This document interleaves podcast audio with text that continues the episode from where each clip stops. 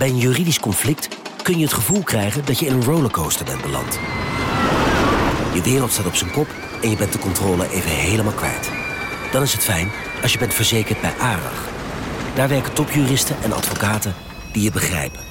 Die een stap extra voor je zetten. En je het gevoel van controle teruggeven.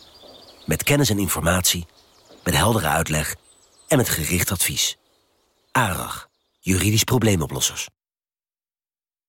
Wie reist met NS, reist net even anders. Wij reizen groen, zonder moeite te doen. Oh, zo kan je dus ook een dagje weg. En wij werken in stilte. In stilte? Nou ja, met oortjes dan. Oh. Zo gaan we iedere dag vooruit. Wij allemaal. Stap je ook in?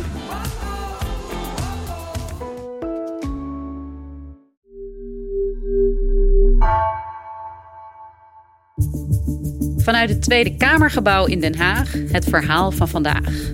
Mijn naam is Floor Boon.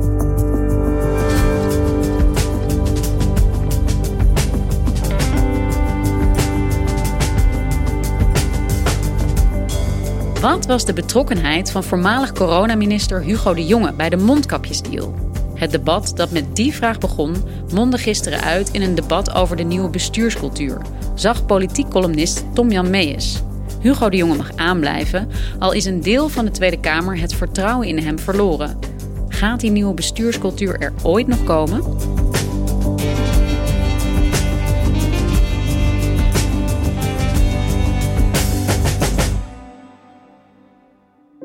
Gisteren was ik in de Tweede Kamer, volgde het debat uh, over de mondkapjesdeal uh, met Hugo de Jonge. Dat debat is er gekomen nadat de Volkskrant twee weken geleden uh, onthulde dat Hugo de Jonge actieve bemoeienis heeft gehad met de aankoop van mondkapjes die de ondernemer Siewert van Linde twee jaar geleden bij het begin van de coronacrisis heeft verkocht aan de Rijksoverheid. Nadat in 2021 was gebleken dat Siewert van Linde miljoenen met die mondkapjesdeal had uh, verdiend. Had Hugo de Jonge eerder gezegd dat hij uh, geen enkele betrokkenheid bij die deal had gehad. Ik ben bij, bij die deal natuurlijk niet betrokken geweest. Hè. Dus ben ik bij die afspraak niet betrokken geweest. Ook niet mijn portefeuille. Vorig jaar niet en dit jaar ook niet. Die vragen waren destijds opgekomen omdat uh, van Linde een partijgenoot van Hugo de Jonge is. Zij zijn beide lid van het CDA. En uh, door die onthulling van de Volkskrant weten we nu dat er toch bemoeienis van Hugo de Jonge met die deal is geweest. En uh, woensdag kwam daarbij dat bleek, dat overigens weer dankzij de Volkskrant, dat Hugo de Jonge jarenlang privémail heeft gebruikt bij zijn werk als minister van VWS. dat is een strijd met de ministeriële richtlijnen. En daarbovenop heeft hij zelf afgedwongen, Hugo de Jonge, dat een deel van de communicatie die hij en zijn ambtenaren hebben gehad met en of over uh, Siewert van Linden, en dat die woensdag is uh, geopenbaard. Dat was best opmerkelijk, omdat het kabinet eerder had geweigerd een feitenrelatie over de gang van zaken rond deze mondkapjesdeal bekend te maken. Tom-Jan, jij bent uh, politieke columnist. Je loopt al heel erg lang rond in Den Haag. Kun je de context schetsen waarbinnen deze deal in 2020 werd gesloten? Kijk, er is, eh, als de coronacrisis begint, een minister, die heet Bruno Bruins, dat is een VVD'er, die doet medische zorg en daaronder valt de, de medische hulpmiddelen. Medische hulpmiddelen worden in principe door instellingen in Nederland gekocht. De Rijksoverheid heeft daar geen ervaring mee, dus ziekenhuizen, verpleeghuizen kopen dat zelf. Omdat er een tekort ontstond aan medische hulpmiddelen, drukte de Kamer heel erg op die Bruno Bruins om de regie erop te nemen en meer zelf te gaan inkopen. Dat leidde tot een dramatisch debat waarin hij letterlijk door zijn knieën zakte en aftrad wegens oververmoeidheid. Hugo de Jonge werd daarna coördinerend coronaminister. Tegelijkertijd werd er een opvolger voor Bruno Bruins gevonden. Dat was een PvdA, Martin van Rijn. En die werd de formele opvolger voor uh, medische hulpmiddelen. Dus Martin van Rijn moest uh, de medische hulpmiddelen uh, gaan kopen. Nu was eigenlijk de situatie dat omdat ziekenhuizen, verpleeghuizen normaal gesproken die spullen zelf kopen, dat je op het ministerie van Volksgezondheid bijna niemand had die die markt kende. Die wist wat je moest doen. Dus dat was een wereld die was, heb ik achteraf van die ambtenaren zelf gehoord, totale paniek. En wat er in die situatie eigenlijk gebeurt, is dat dan meldt Siewert van Linde zich. En die zegt publiekelijk via sociale media: Ik kan aan mondkapjes komen en ik probeer die aan de overheid uh, te slijten. En ik kom er niet doorheen. En vooral Hugo de Jonge, die reageert daarop. Die denkt: Ja, hé, hey, hallo. Um, we zitten hier in een panieksituatie. We staan onder druk omdat de mensen zeggen: ja, luister eens, er zijn te weinig mondkapjes, daardoor sterven patiënten. Hij kent Siebert van Linde omdat ze in het CDA eh, zitten. Vlak voordat ze met elkaar gaan appen, hebben ze een kennismakingsgesprek omdat Siewert van Linden ook belangrijk wordt in het CDA. De partijvoorzitter wil Siewert van Linden Kamerlid maken. En dan gaat uh, Hugo de Jonge tegen die ambtenaar zeggen... ik wil graag dat je met Siewert van Linden uh, gaat praten. Daar komt eigenlijk vervolgens Martin van Rijn... die verantwoordelijk is formeel tussen. En dan bemoeit hij zich, dan heeft hij er geen betrokkenheid meer bij... als de uiteindelijke deal wordt gesloten. Maar hij heeft hem natuurlijk wel geïnitieerd. Ja, dat weten we dankzij het appverkeer dat woensdag uh, werd vrijgegeven tussen Hugo de Jonge, zijn politiek assistent uh, en minister van Rijn. Wat stond er in die appjes? Uit die appjes bleek dat hij uh, ook persoonlijk contact had gehad met uh, Siebert van Linde. En er bleek uit dat Siebert van Linde destijds niet na die eerste deal aan een tweede deal heeft gewerkt. Dat Hugo de Jonge zich ook daar voor heeft ingespannen, maar dat uh, genoemde Martin van Rijn uh, daarvan heeft gezegd: dat gaan we niet doen.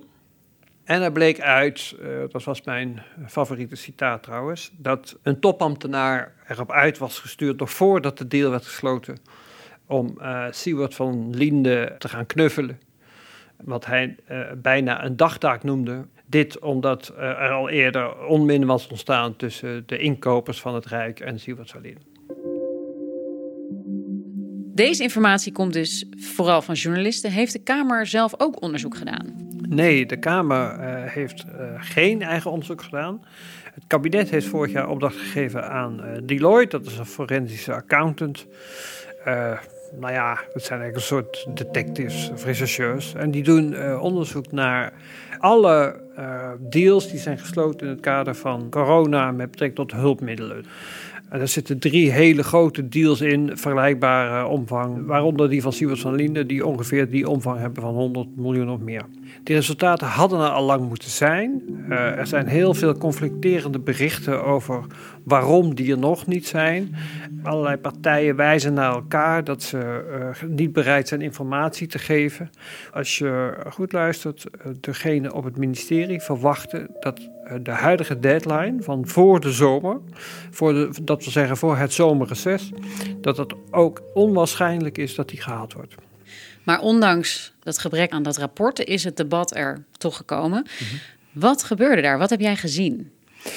Kijk, je hebt eigenlijk twee grootheden. Je hebt de oppositie, dat zijn in totaal 16 partijen. Uh, op dit moment en vier coalitiepartijen. En dat, in feite zie je daar twee blokken die tegenover elkaar staan oppositie is assertief. Die heeft van de toeslagenaffaire van uh, het optreden van Pieter Omtzigt en Renske Leijten geleerd. Je moet agressief zijn in het naspeuren van informatie en het controleren van de regering. Hij vraagt van het kabinet de nieuwe bestuurscultuur die is beloofd. Dus uh, meer openheid uh, ten opzichte van de oppositie vanuit het kabinet. Dus meer dualisme, een, meer transparantie tegenover burgers en, en de Kamer met betrekking tot wat er in die Haagse torens allemaal gebeurt. Dit is de oude bestuurscultuur aan het werk. Dit is precies hetzelfde wat er gebeurde met de dividendmemo's. Het is precies hetzelfde wat er gebeurde in, tijdens bij het toeslagenschandaal. Informatie net zo lang achterhouden totdat je eigen positie in het geding komt. Dan sorry zeggen, het dan naar de Kamer sturen en dan coalitiepartijen zeggen ja, dat had echt beter gemoeten. En een strik eromheen. Wanneer is het voor D66 genoeg? Wanneer zegt D66, jongens, nou, alles wat er is gebeurd in het afgelopen jaar, het, het 1 april debat, het ge, gelieg en gedraai over de functie elders, het achterhouden of niet goed informeren van de Kamer tijdens uh, de Afghanistan-debakel. Uh, een, een, documentaire van Kaag, waaruit blijkt dat D66 wel invloed heeft uitgeoefend. Wanneer stopt het? Aan de andere kant heb je de coalitie, die hebben nieuwe bestuurscultuur beloofd, een nieuw elan. En die zijn in dit soort debatten, waarbij de oppositie toch vrij uh, unaniem, er zaten wel wat breuklijnen in, uh, vrij unaniem zich tegenover het kabinet, of tegenover in dit geval Hugo de Jonge, opstelt. Uh, die zoeken elkaar op en die hadden duidelijk een deal. En die deal die kwam erop neer dat ze zeiden: we moeten het Deloitte-onderzoek afwachten alvorens we een definitief oordeel kunnen vellen. Ik wacht af. Uh, en nogmaals, ik denk ook dat ik echt nog informatie uit het Deloitte-onderzoek, 5,5 miljoen documenten, nodig heb om uiteindelijk een weging te maken over welke uh, processen er al dan niet zijn gevoerd. Ik wacht het onderzoek af uh, en de uitkomsten daarvan en op basis daarvan trekken wij onze conclusies. Ik kwam aan het eind van het debat, zoals het altijd gaat, dit soort debatten, een motie van wantrouwen vanuit de oppositie. Uh, die werd door het grootste deel van de oppositie gesteund, uh, maar niet door de coalitie. En uh, ja, de werkelijkheid was, dat wisten we al de hele dag, dat het zo zou gaan. Ja, dus zo was het misschien al best wel snel duidelijk wat die posities waren. Wat was het verweer van Hugo de Jonge? En eerst kwam nog ja, die andere minister aan het woord, Connie Helder. Ja, zij is een nieuwe minister. En zij werd eigenlijk door deze hele toestand in een buitengewoon ongemakkelijke positie gebracht door Hugo de Jonge. Uh, want zij is de politiek verantwoordelijke voor een dossier dat haar voorganger Martin van Rijn heeft afgehandeld. En omdat ze verantwoordelijk is voor dat Deloitte-onderzoek, um, is zij geconfronteerd met het verzoek uit de Kamer om een feitenrelaas over die gang van zaken uh, aan de Kamer voor te leggen. Zij heeft dat, was best opmerkelijk, geweigerd. Strikt genomen kan dat niet. De Kamer heeft recht op alle informatie die de Kamer vindt nodig te hebben voor het doen van uh, haar werk. Dus het was nogal een gewaagde positie. En die werd verder gecompliceerd omdat Hugo de Jonge zelf ging reageren op de berichtgeving in de media over die appjes. En, uh, en daarmee. Uh, haar hele positie ondermijnde. Want er kwam steeds meer druk op uh, Hugo de Jonge om naar de Kamer te komen. Die was daar ook wel toe bereid, dat was al wel langer duidelijk. Alleen dan moest hij begeleidend materiaal, dat ook naar Deloitte is gestuurd en dat de Kamer tot nu toe niet mocht hebben, toch naar de Kamer te sturen. Op grond waarvan, ja, betrekkelijk uh, verre kritiek vond ik dat vanuit de Kamer werd gezegd: Ja, hallo, hoe zit het nou, mevrouw Helder? He, dus uh, u wilt ons geen feitenrelaas geven, maar als meneer De Jonge het even goed uitkomt, dan zijn jullie wel bereid een paar appjes en een paar mailtjes te sturen. Dus uh, leg ons nou eens uit, uh, hoe moeten we voortaan met u omgaan? Of wat, hoe moeten we u zien? Want bent u nou bereid om te werken volgens de, de, basisprincipes van de democratie, namelijk dat de Tweede Kamer bepaalt welke informatie krijgt. En daar kwam ze eigenlijk niet goed uit. Afhankelijk, enfin, er werd een beetje een show van gemaakt, schorsing en toestanden. Ze heeft excuses daarvoor gemaakt, ze is gewaarschuwd. Maar ja, het was toch best een ongemakkelijk optreden. En dan had je Hugo de Jonge. Uh, die zei: uh, Ik wil er geen semantische discussie van maken over mijn betrokkenheid bij uh, de deal met Siebert van Linden. En vervolgens wist hij heel erg oude politiek er een semantische discussie van te maken. Bij de deal ben ik niet betrokken geweest. Het was mijn portefeuille niet. Dus ik heb voor die deal als toenmalig minister van VWS geen verantwoordelijkheid gedragen. Geen betrokkenheid gehad bij de onderhandelingen of de besluitvorming ten aanzien van die deal met Van Liende. Bij geen enkele deal overigens. Maar ik heb wel contacten gehad over Van Liende op het departement die u heeft kunnen lezen. Dat is mijn betrokkenheid geweest wat natuurlijk heel droevig is aan deze hele affaire, is dat, ja, weet je, Hugo de Jonge is geen nieuw bewindspersoon, die kennen we. En de manier waarop hij zich verdedigt is in zekere zin, ja, dat heeft heel veel te maken met ja, betrekkelijk oude methodes. Dus dat is op tijd spelen. Er loopt een onderzoek, daar moeten we op wachten. En het is woordspel. Dus dat woordspel dat komt hierop neer dat hij zegt, nou, uit die appjes blijkt misschien wel dat ik me ermee bemoeid heb, maar ik heb niet de beslissing genomen. Dus ik kon zeggen, ik heb geen betrokkenheid gehad bij de deal. En dat is, als je heel erg meegaat in het Haagse taaltje, is dat te volgen. Maar mensen die dat een beetje volgen, denken, ja man, stel je niet aan. Dit is natuurlijk, eh, weet je, jij probeert eromheen te kletsen. En dat, ja, die reactie die roep je op en dan doe je precies het omgekeerde van wat je vorig jaar zei te ambiëren. Precies dit woordenspel, hè? dit is een soort spelletje lijkt soms wel om ervoor te zorgen dat niemand je precies op jouw woord uh, kan afrekenen. Maar ik kan me ook voorstellen dat voor heel erg veel mensen is dit precies een voorbeeld van die oude politiek waar uh, die mensen niet meer willen. Want is het een woordspelletje? Is het een leugen? Wordt er iets verborgen? In die appjes die wij allemaal konden zien van uh, tussen Hugo de Jonge en uh, Siewert van Linde, werd ook duidelijk dat Hugo de Jonge erg graag wilde dat Siewert van Linde binnen werd gehaald, omdat hij kritisch was. Mm -hmm. Welke rol speelt beeldvorming hier in dit verhaal? Ja, kijk, beeldvorming speelt een rol, maar eerlijk gezegd, uh, beeldvorming speelt altijd een rol in politiek. Kijk, er is eigenlijk geen politiek meer zonder beeldvorming. Dus in deze zaak zit wel een soort uh, dilemma tussen oudere en jongere generaties. Kijk, Siewert van Linde is zo iemand die uh, heeft uh, de BKB-academie gedaan. Dat is een bureau voor politieke uh, campagne voeren uit Amsterdam. En heel veel jonge getalenteerde mensen komen daar terecht. Die leren daar eigenlijk de kunst van hoe breng ik een product of een onderneming of een politieke partij, hoe zet ik die in de markt. Siewert van Linde, die was een jongen die bekend was geworden op de televisie en die gebruikte zijn, zijn volgers op sociale media om heel erg duidelijk te maken dat hij die mondkapjes te koop had. En die kon dus ook heel gemakkelijk een groot publiek bereiken, ook in de politiek. Door te zeggen, ja, ik heb die mondkapjes, ik doe het uh, zonder winstoogmerk en ik kan ze niet kwijt. Nou, dat is de ene kant, dat is, dat is dus eigenlijk nieuwe mediacultuur en nieuwe beeldvorming ook. En de andere kant is het eigenlijk Martin van Rijn, dat is van ik een hele, eigenlijk ook al interessante figuur hier. Dat is een, een klassieke P van de A. Weet je, een degelijke man, die heeft al, ik weet niet hoe vaak op volksgezondheid als ambtenaar, staatssecretaris gezeten. En die moet eigenlijk omgaan met die nieuwe mediacultuur. En Hugo de Jonge eigenlijk ook. En dat zijn gewoon twee botsende uh, grootheden. En ik geloof eigenlijk dat als je ui helemaal afpelt, vind je dit.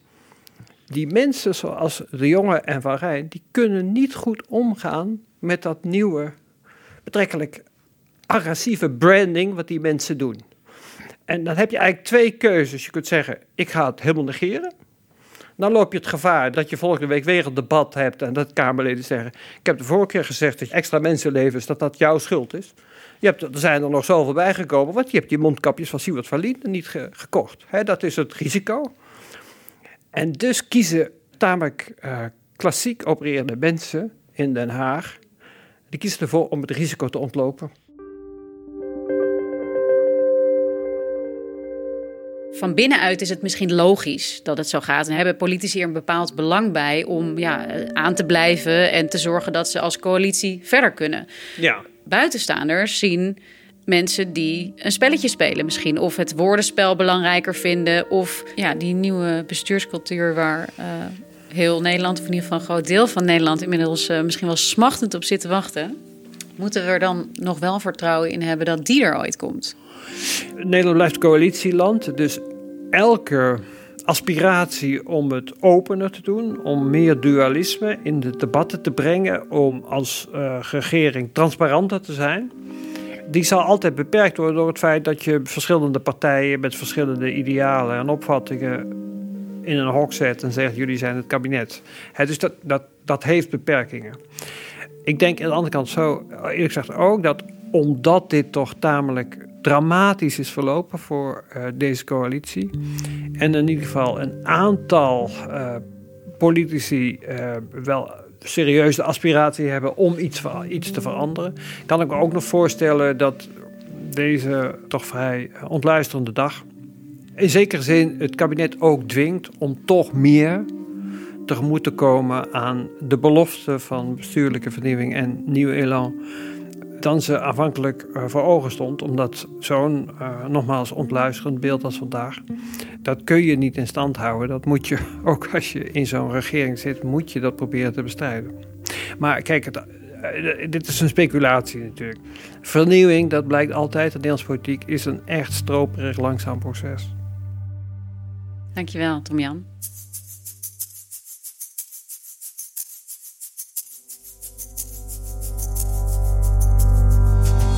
Je luisterde naar vandaag, een podcast van NRC. Eén verhaal, elke dag. Deze aflevering werd gemaakt door Mila Marie Bleeksma, Dirk Hooyer, JP Geersing en Christian Lipman. Dit was vandaag. Maandag weer.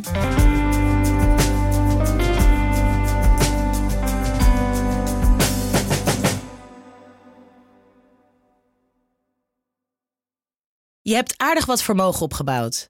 En daar zit je dan, met je ton op de bank. Wel een beetje saai, hè? Wil jij, als belegger, onderdeel zijn van het verleden of van de toekomst? Bridgefund is een slimme fintech die een brug slaat tussen de financiële behoeften van ondernemers en van beleggers. Dus wie belegt bij Bridgefund krijgt niet alleen een mooie vaste rente, maar brengt ook ondernemers in beweging. Echt waar, met die ton kan je zoveel betere dingen doen. Bridgefund. Make money smile.